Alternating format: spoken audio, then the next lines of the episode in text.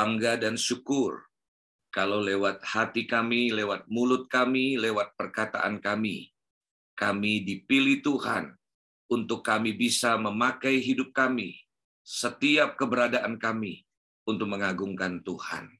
Karena kami percaya memang Engkaulah pemilik atas segalanya di muka bumi ini.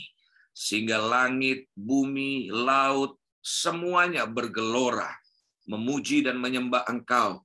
Kami pun bangga dan bersyukur ya Tuhan untuk segala anugerah yang Tuhan berikan kepada setiap kami. Sehingga di pagi ini ya Bapa, dengan segenap hati kami mengungkapkan rasa syukur kagum kami kepadamu.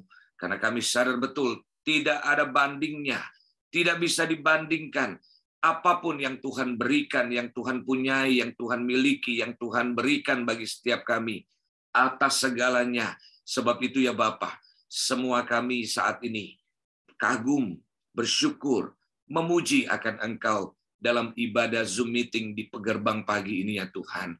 Dan saatnya ya Bapak, kami mau terus diajar oleh Tuhan, menerima pesan Tuhan lewat kebenaran firman-Mu.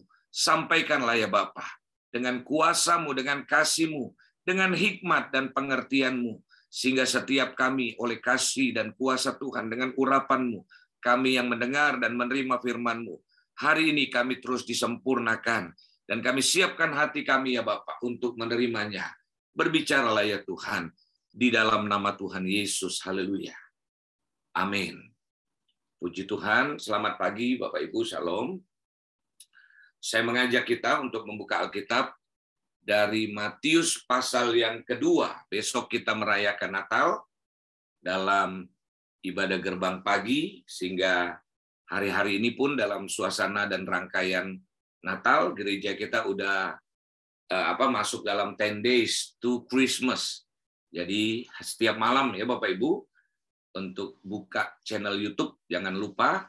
Jadi kalau ada yang kirim linknya puji Tuhan. Tapi kalau tidak jam 7 kita sudah ada dalam rangkaian hari ini 9 hari menuju Christmas ya.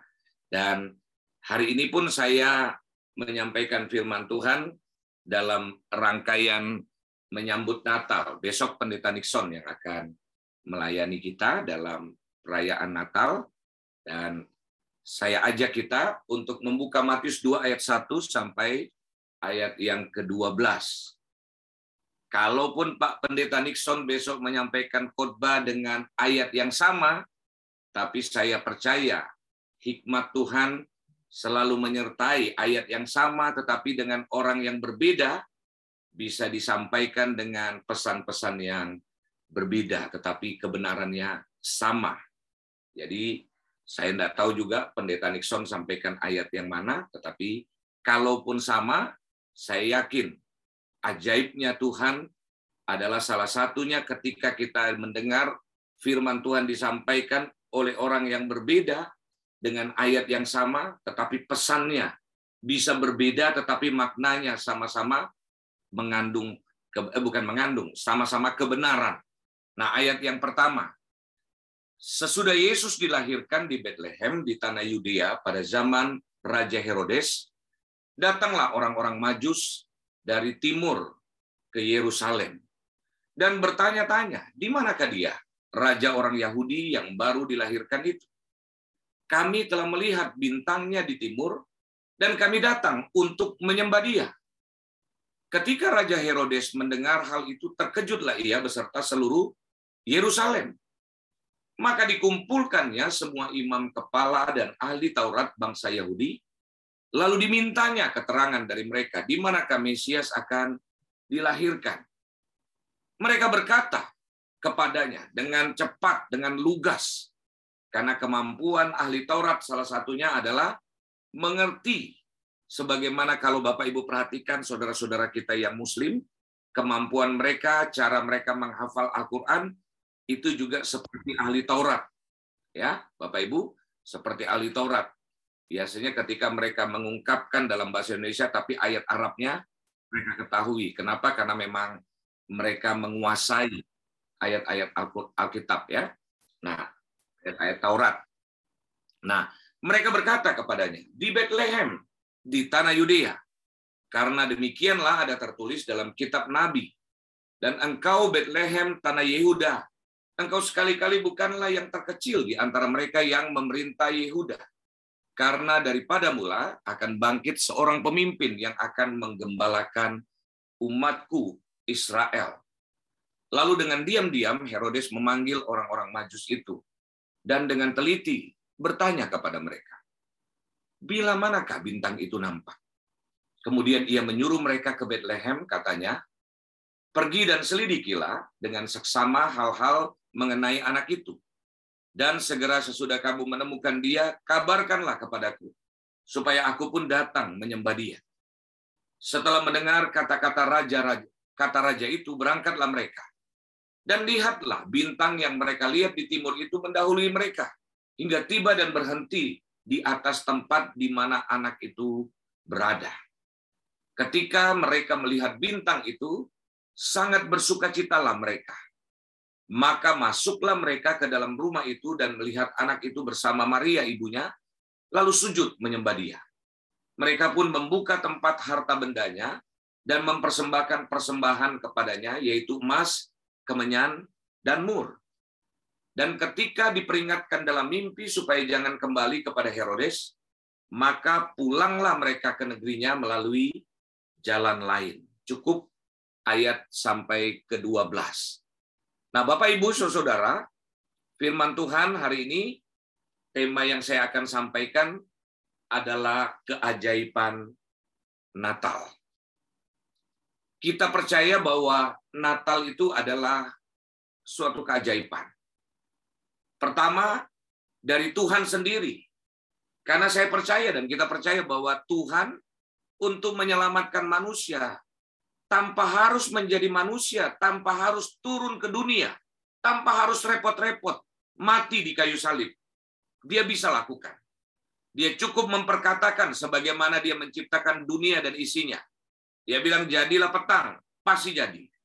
Jadilah pagi, jadi. Karena dia Tuhan. Dia berkuasa lewat kuasa, lewat perkataan. Itu bisa jadi. Tapi Natal merupakan keajaiban. Kenapa? Pertama, kita harus sadar betul bahwa memang Tuhan tidak mungkin bisa mengingkari janjinya. Bahwa setiap akibat daripada dosa, dia tetapkan sebelumnya ketika manusia jatuh, lalu Tuhan mengatur dengan hukum-hukum yang dia tetapkan. Bahwa darah lah yang bisa menghapus dosa manusia. Darah binatang yang pertama Tuhan ajarkan untuk bisa menghapus kesalahan dosa pelanggaran manusia. Dia ajarkan kepada bangsa Israel. Tetapi ternyata dia melihat bahwa manusia sudah dibenarkan lewat darah. Tetapi terus melakukan dosa, terus melakukan pelanggaran, terus melakukan kesalahan. Sehingga akhirnya dia harus mengambil satu keputusan yang sulit menurunkan harga dirinya. Karena menurut saya, kalau Bapak Ibu punya nilai kasih seperti Tuhan, kalau saudara memang benar-benar untuk mau hidup benar seperti yang Tuhan lakukan, sebagai teladan, seandainya aja di rumah kita punya pembantu, misalnya, kita ingin angkat harga dirinya. Lalu akhirnya apa? Untuk dia bisa punya nilai hidup yang baik, kita sekolahkan dia. Di saat dia sekolah, kitalah yang mengerjakan tugas-tugas pembantu di rumah. Kita berikan semua support segalanya. Boleh nikmati apa yang kita miliki. Menurut saya tidak mudah untuk bisa lakukan itu. Untuk bisa berkorban untuk pembantu yang kita kasihi. Untuk nilai hidupnya naik. Untuk hidupnya bisa boleh berubah. Dan yang Yesus kerjakan untuk kita, itu adalah sesuatu yang ajaib di mana dia rela menjadi manusia dengan agenda akhirnya. Bahwa sebelum dia turun ke dunia dalam Alkitab sudah dinubuatkan bahwa dia akan tertikam oleh kesalahan kita. Dia harus menderita oleh bilu-bilunya, kita disembuhkan. Kenapa dia harus lakukan itu? Karena walaupun memperkatakan pun, dia bisa tanpa harus turun ke, ke dunia. Karena memang dia tidak bisa mengingkari janjinya. Dia bilang, apa yang keluar dari mulut Allah tidak bisa tidak boleh kembali dengan sia-sia. Dia sudah berfirman bahwa dosa harus dihapus dengan darah. Dan dia tidak bisa menghapus apa yang dia sudah katakan. Karena dia Tuhan yang berintegritas. Darahnya pun harus dicurahkan untuk menggantikan dosa dan kesalahan kita. Itu tujuan awal. Tujuan Tuhan datang ke dunia. Tujuan dia lahir untuk menderita karena kita. Itu keajaiban keajaiban Natal. Yang kedua, keajaiban Natal. Bagaimana Tuhan bisa memakai orang biasa. Orang-orang yang saya sebutkan, Yusuf, Maria, Gembala, orang Majus. Karena kita tahu bahwa Tuhan pada masa itu untuk dia menyampaikan pesannya, dia pakai orang-orang yang memang sudah ditetapkan. Seolah-olah Tuhan melanggar ketetapannya. Seolah-olah. Tetapi ketetapannya seolah-olah dilanggar karena memang orang-orang yang ditunjuk sebagai imam, sebagai imam besar, sebagai hamba-hamba Tuhan, sudah tidak mengerjakan lagi panggilannya dengan benar. Sehingga kita tahu pada masa itu Tuhan sempat berdiam diri, tidak berfirman, tidak menyapa umatnya. Di masa itu, 400 tahun kurang lebih, Tuhan tidak mau berkata-kata lagi. Itu masa kekelaman kalau boleh dibilang, di mana Tuhan berdiam diri. Dia tidak lagi berbicara selama kurang lebih 400 tahun. Tetapi, suatu kali ada seorang yang bernama Zakaria menerima pesan bahwa engkau akan memiliki anak yang namanya Yohanes Pembaptis. Tapi karena memang sudah ratusan tahun, para imam tidak pernah mendengar pesan Tuhan, Nabi yang harusnya menerima, imam besar harusnya menerima. Ketika dia mendengar, dia tidak bisa meyakini. Karena pada saat itu memang Tuhan sudah berdiam diri. Nah, apa yang dialami oleh imam tersebut dia tidak yakin membuat dia akhirnya bisu. Nah, Tuhan akhirnya memakai orang-orang biasa seperti Maria, seperti Yusuf. Dia mendapatkan mimpi, dia mendapatkan pesan dihampiri oleh malaikat. Orang-orang eh, para gembala dihampiri oleh malaikat. Orang majus diberikan tanda. Sehingga ini adalah keajaiban-keajaiban Natal. Orang biasa, orang yang tidak dipandang, Orang yang kalau boleh dibilang tidak punya status pendidikan yang layak untuk seorang yang bisa menerima pesan Tuhan. Tapi Tuhan pilih dan percayakan mengalami keajaiban Natal. Saya yakin bahwa kejadian yang terjadi 2000-an tahun yang lalu, keajaiban-keajaiban Natal masih Tuhan mau berikan. Sehingga kalau Natal, bukan masalah dekorasi yang di belakang saya ada pohon Natal dengan segala hiasannya. Intinya itu menyenangkan kita. Itu dekorasi-dekorasi yang ada di dalam apa mall itu senang. Ya, saya juga ikut foto waktu kemarin saya melihat di Plaza Indonesia. Apa mallnya dihias bagus banget begitu kan. Tetapi yang paling penting di saat kita merayakan Natal, kita menerima pesan daripada Tuhan. Kita boleh terus mengalami keajaiban Natal. Bukan seperti yang lagu Jauh di dusun yang kecil, di situ rumahku. Yang lagunya ingin eh, kepingin kenangan Natal di waktu kecil diulang lagi. Saya yakin setiap tahun waktu kita merayakan Natal, pesan Tuhan, keajaiban Natal, tetap bisa dirasakan bukan cuman pada waktu kita pernah ngalami dulu. Bukan cuman untuk para gembala, para orang majus, Maria dan Yusuf. Tapi saya percaya bahwa kalau kita buka hati untuk Tuhan, Natal pasti akan penuh makna karena dia akan nyatakan keajaibannya. Dia akan berikan pesan kepada kita, sesuatu yang dahsyat sehingga Natal bisa membawa terobosan. Natal bukan cuma sekedar tradisi. Karena kalau mau bicara meriah, jauh lebih meriah di luar negeri. Negara yang banyak yang sudah menjadi ateis, merayakan Natal jauh lebih indah dekorasinya dibandingkan kita. Kalau mau ditanya, negara yang mayoritas non-Kristen, Singapura, Jepang, merayakan Natal dengan dekorasi yang jauh lebih indah daripada kita. Tetapi yang Tuhan mau, keajaiban Natal, kita tetap alami, bukan cuma cerita yang kita dengar. Besok, dalam gerbang pagi, sebagai gerbang pergi pagi yang terakhir, saya merindukan setiap kita pun punya impian, punya kerinduan. Tuhan, saya mau dapatkan keajaiban Natal sebagai pesan yang kuat dalam hidup kita yang membawa terobosan-terobosan. Sehingga Bapak Ibu di tahun 2001 ini, 2021, sebuah kita berharap sama Tuhan. Tuhan, kerinduanku adalah aku mengalami keajaiban Natal. Nah, hal-hal yang harus kita perhatikan. Bagaimana kita bisa tetap mengalami keajaiban di saat kita merayakan Natal. Dari beberapa peristiwa yang ada, kita dapatkan pesan. Coba kita buka. Dalam Matius pasal yang pertama, ayat yang ke-18 sampai ayat yang ke-19 eh, ya, saya bacakan. Matius 1 ayat 18, kelahiran Yesus Kristus adalah seperti berikut. Pada waktu Maria ibunya bertunangan dengan Yusuf, ternyata ia mengandung Roh Kudus sebelum mereka hidup sebagai suami istri. Karena Yusuf suaminya seorang yang tulus hati dan tidak mau mencemarkan nama istrinya di muka umum, ia bermaksud menceraikannya dengan diam-diam. Tetapi dalam ayat selanjutnya, waktu dia mempertimbangkan maksud itu, maka Tuhan mengutus malaikatnya. Malaikat yang sama yang diutus kepada Maria, yaitu Gabriel, malaikat yang tugasnya menyampaikan pesan.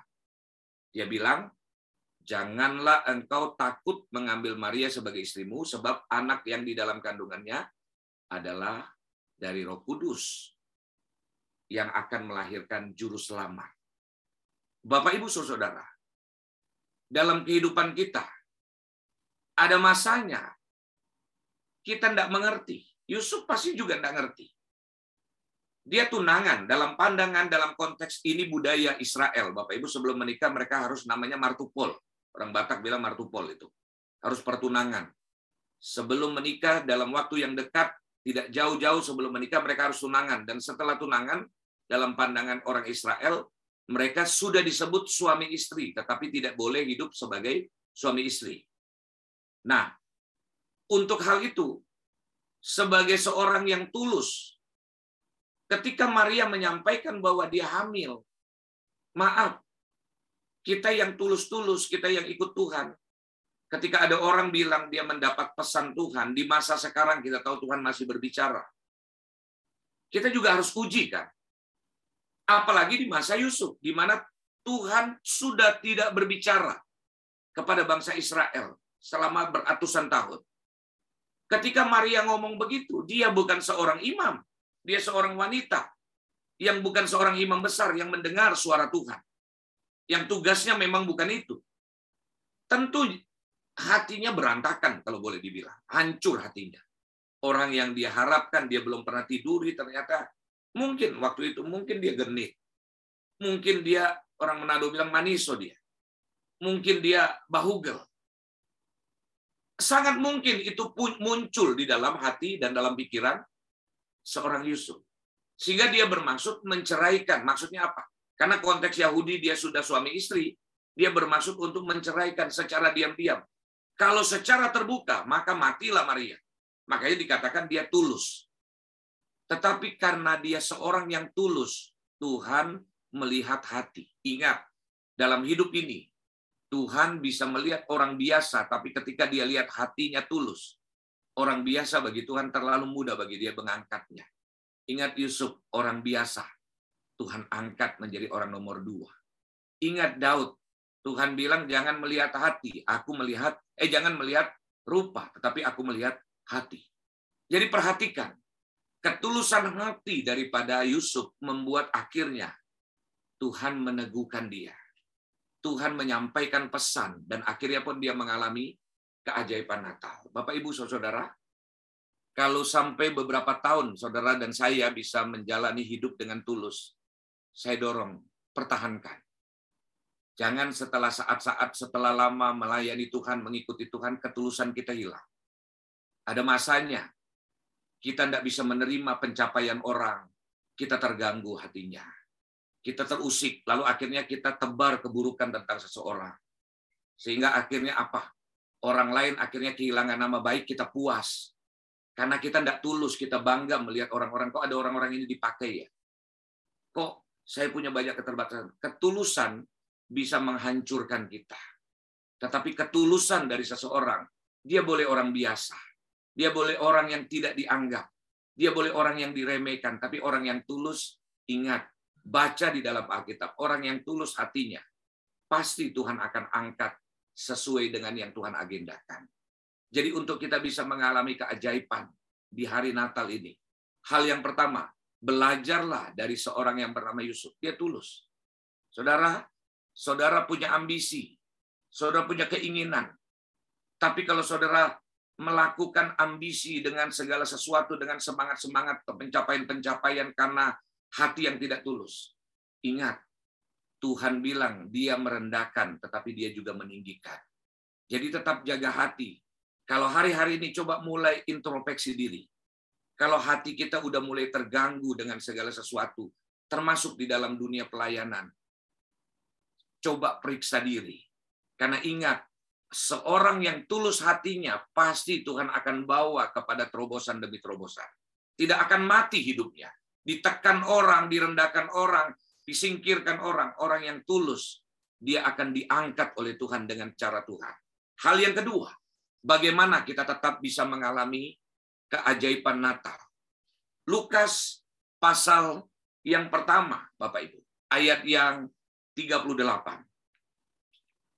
Kata Maria, sesungguhnya aku ini adalah hamba Tuhan Jadilah padaku menurut perkataanmu itu.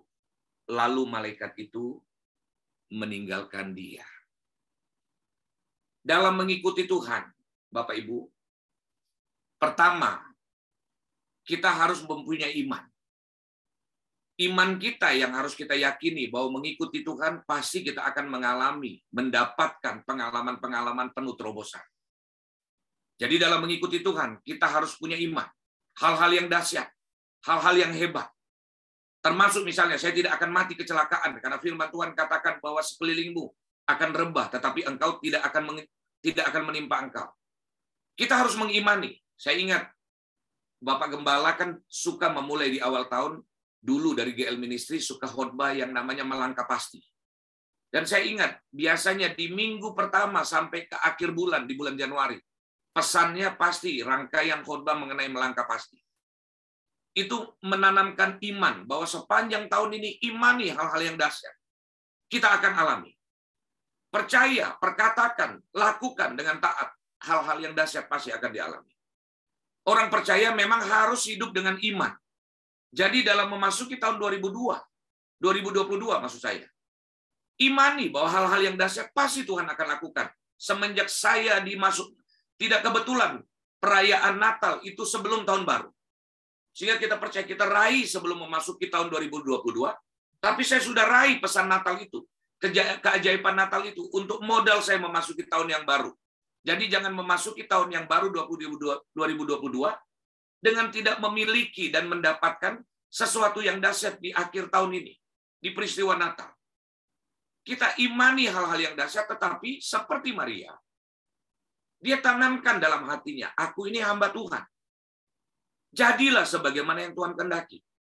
Sebelum memasuki tahun 2022, imani hal-hal yang dahsyat. Maria pasti punya impian, aku menikah dengan calon suamiku. Aku akan mengecap dan mengalami hal-hal yang dahsyat. Tiba-tiba, apa yang dia imani, apa yang dia yakini dan harapkan, boleh dibilang buyar.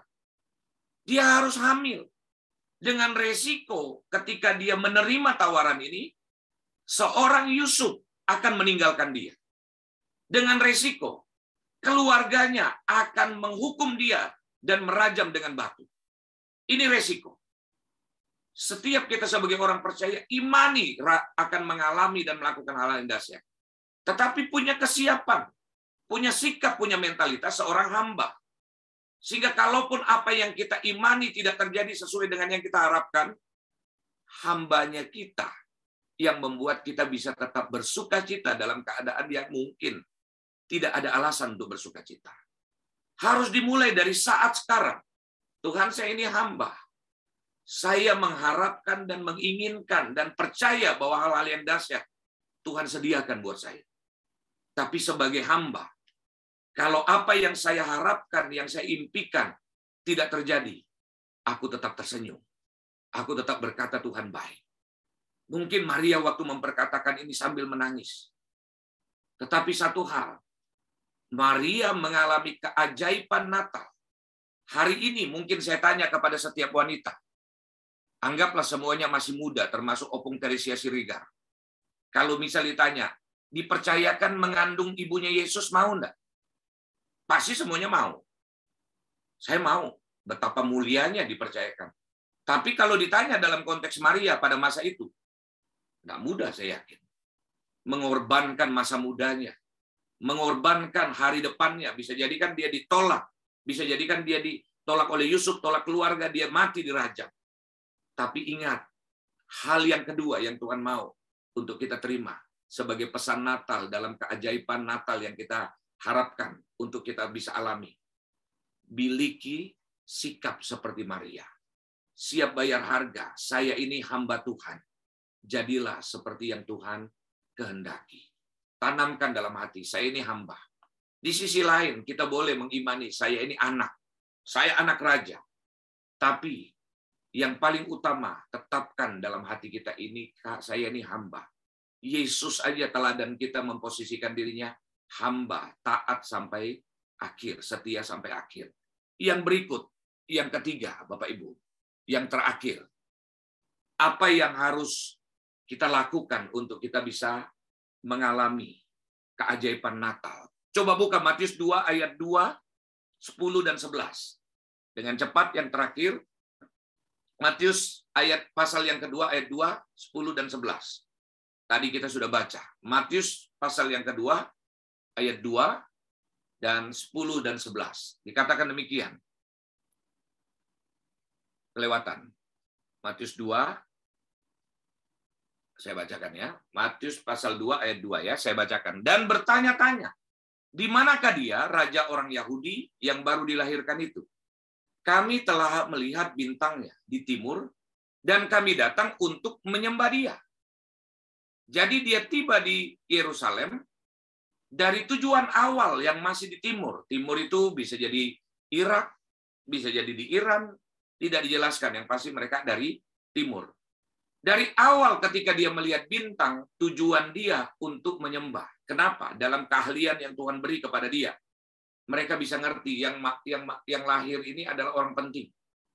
Ini toko, ini seorang anak raja. Sehingga dari awal mereka bertekad, mereka datang untuk menyembah. Nah, ayat yang ke-10, maka dia melihat waktu awalnya kan secara insting, logis, dia berpikir karena anak yang akan dilahirkan itu diberikan tanda dengan bintang di atas langit. Dia berpikir pasti lahirnya di istana, makanya mereka lari ke istana. Dia pikir lahir dari anak daripada yang bernama Herodes. Ternyata berbeda. Tuhan tuntunlah dengan bintangnya dan Tuhan ber, bintang itu berhenti. Ayat yang ke-10 dikatakan, ketika mereka melihat bintang itu sangat bersukacitalah mereka. Maka masuklah mereka ke dalam rumah itu dan melihat anak itu bersama dengan Maria, bersama Maria ibunya, lalu sujud menyembah dia. Mereka pun membuka tempat harta bendanya dan mempersembahkan persembahan kepadanya yaitu emas, kemenyan, dan Mur. Orang Majus tersebut waktu awal punya ekspektasi, punya dugaan dengan harapan bahwa dia lahir dari istana, makanya mereka pergi ke Irana, istana Herodes. Ternyata no, no, no, bukan, bukan. Nanti kalau kau tahu, tolong kasih tahu aku supaya aku bisa menyembah. Lalu akhirnya Tuhan tuntun lewat bintang berhenti pas di atas rumah itu. Apakah rumah itu adalah Kan ada yang bilang begini, bahwa orang Majus bertemu dengan Yesus itu sudah anak, bukan bayi lagi. Para gembala berjumpa dengan Yesus masih bayi, masih di dalam kandang domba. Oke, apa pun namanya. Kalaupun dia masih bayi, gubuk begitu, intinya ini di luar ekspektasi. Kenapa bintangnya berhenti di atas tempat itu? Dan ini bukan raja. Ini bukan lahir di istana raja. Artinya, bisa jadi hati mereka, pikiran mereka, perasaan dan tindakan mereka berubah melihat realita. Loh, faktanya kok dia cuma lahir di kandang domba. Tapi ingat, tujuan awal mereka datang dengan ekspektasi ini anak lahir di istana. Mereka datang untuk menyembah. Tapi waktu melihat faktanya, ternyata bukan lahir di istana. Ternyata di kandang domba, mereka tetap menyembah. Itu bicara tentang konsistensi. Kita punya harapan masih membalik balik ke yang seperti tadi, seperti Maria. Mengikuti Tuhan, kita mengalami hal-hal yang dahsyat. Tapi ketika kita melihat faktanya, kok aku dibenci ya, kok aku ditindas ya, kok apa yang aku yakini kok tidak terjadi. Bapak Ibu, seorang eh, para, orang majus, waktu dia melihat faktanya, dia tidak berubah. Dia tetap berketetapan hati melihat apa yang dilihat. Ternyata seorang anak raja yang lahir cuma di atas di dalam kandang domba. Dia tetap menyembah. Setiap kita, saya percaya, dalam mengikuti Tuhan, harus tetap mengimani. Saya ulang perkataan tadi. Tapi ketika kita melihat apa yang kita alami, kita udah hidup benar, kita hidup tulus, kita hidup kudus, tapi mengalami dan hal-hal yang berbeda. Belajarlah dari para orang majus. Mereka tetap sujud menyembah Tuhan. Dia tetap mengagungkan Tuhan. Kita harus tetap setia sampai akhir. Kita melihat bagaimana orang majus tersebut tetap menyembah Tuhan dalam keadaan apa pun. Tetaplah. Kalau Bapak Ibu selama ini bersemangat melayani Tuhan di masa sebelum pandemi. Tetapi setelah masa pandemi banyak orang berkurung dalam rumah. Cuman badiang-badiang orang bilang. Cuman menikmati, ya biar aja mereka, yang mati biar mereka. Tapi ada banyak orang ketika sedang mengalami masa-masa sukar, cuman memilih aman, tidak melayani lagi. Tunggu nanti gereja buka baru aku melayani. Bapak Ibu, Saudara-saudara. Jangan jadi orang yang mudi pada waktu nyaman kita ikuti Tuhan. Pada waktu tidak sepertinya sepertinya tidak sesuai. Kok lahir dalam kandang domba? Ah, enggak jadi menembak deh. Ah, enggak jadi deh. Ada banyak orang ketika nyaman dia ikuti, tetapi ketika keadaan tidak nyaman, sikapnya, tindakannya berubah. Jangan menyembah Tuhan kalau keadaan sedang nyaman. Keadaan sedang sukar, kita mulai atur jarak. Mudi dalam mengikuti Tuhan. Ingat konsistensi para gembala. Dia dalam keadaan apa pun, dia tetap menyembah. Walaupun dia ngikuti Tuhan, bukannya dia santai-santai ribuan mil dia jalani, bawa harta benda lagi. Ada banyak orang setelah mengikuti Tuhan, saya dapat apa dalam pelayanan? Saya keluar ini, keluar waktu, keluar uang. Saya dapat apa? Itu perkataan setan itu. Karena kalau kita bayar harga buat Tuhan, pernahkah Tuhan buat gratis? Pernahkah Tuhan biarkan kita? Pastikan untuk kita mengalami keajaiban Natal. Miliki hati yang tulus seperti Yusuf. Memiliki hati hamba seperti Maria memiliki konsistensi tetap menyembah Tuhan dalam keadaan yang baik maupun dalam keadaan yang aduh tidak seperti yang kita harapkan. Pastikan kita bangkit. Bapak Ibu yang selama ini cuman berpikir badiang-badiang, berdiam-berdiam. Oke, ikut jumpa, eh, gerbang pagi tiap pagi, bagus. Tapi pikirkan Tuhan, saya mau buat apa lagi? Jangan sampai kita mengikuti Tuhan hanya senang ketika Tuhan buat senang.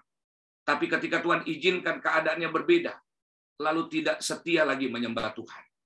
Pastikan kita jangan seperti para imam yang sebenarnya Tuhan menyatakan keajaiban dipesankan lewat orang majus. Tapi dia tidak mendapatkan keajaiban Natal. Dia tahu ayat-ayatnya. Dia sampaikan dengan jelas, iya ada tertulis. Dalam Mikah dikatakan demikian. Herodes juga tahu dapat pesan. Tapi mereka tidak mendapatkan keajaiban Natal.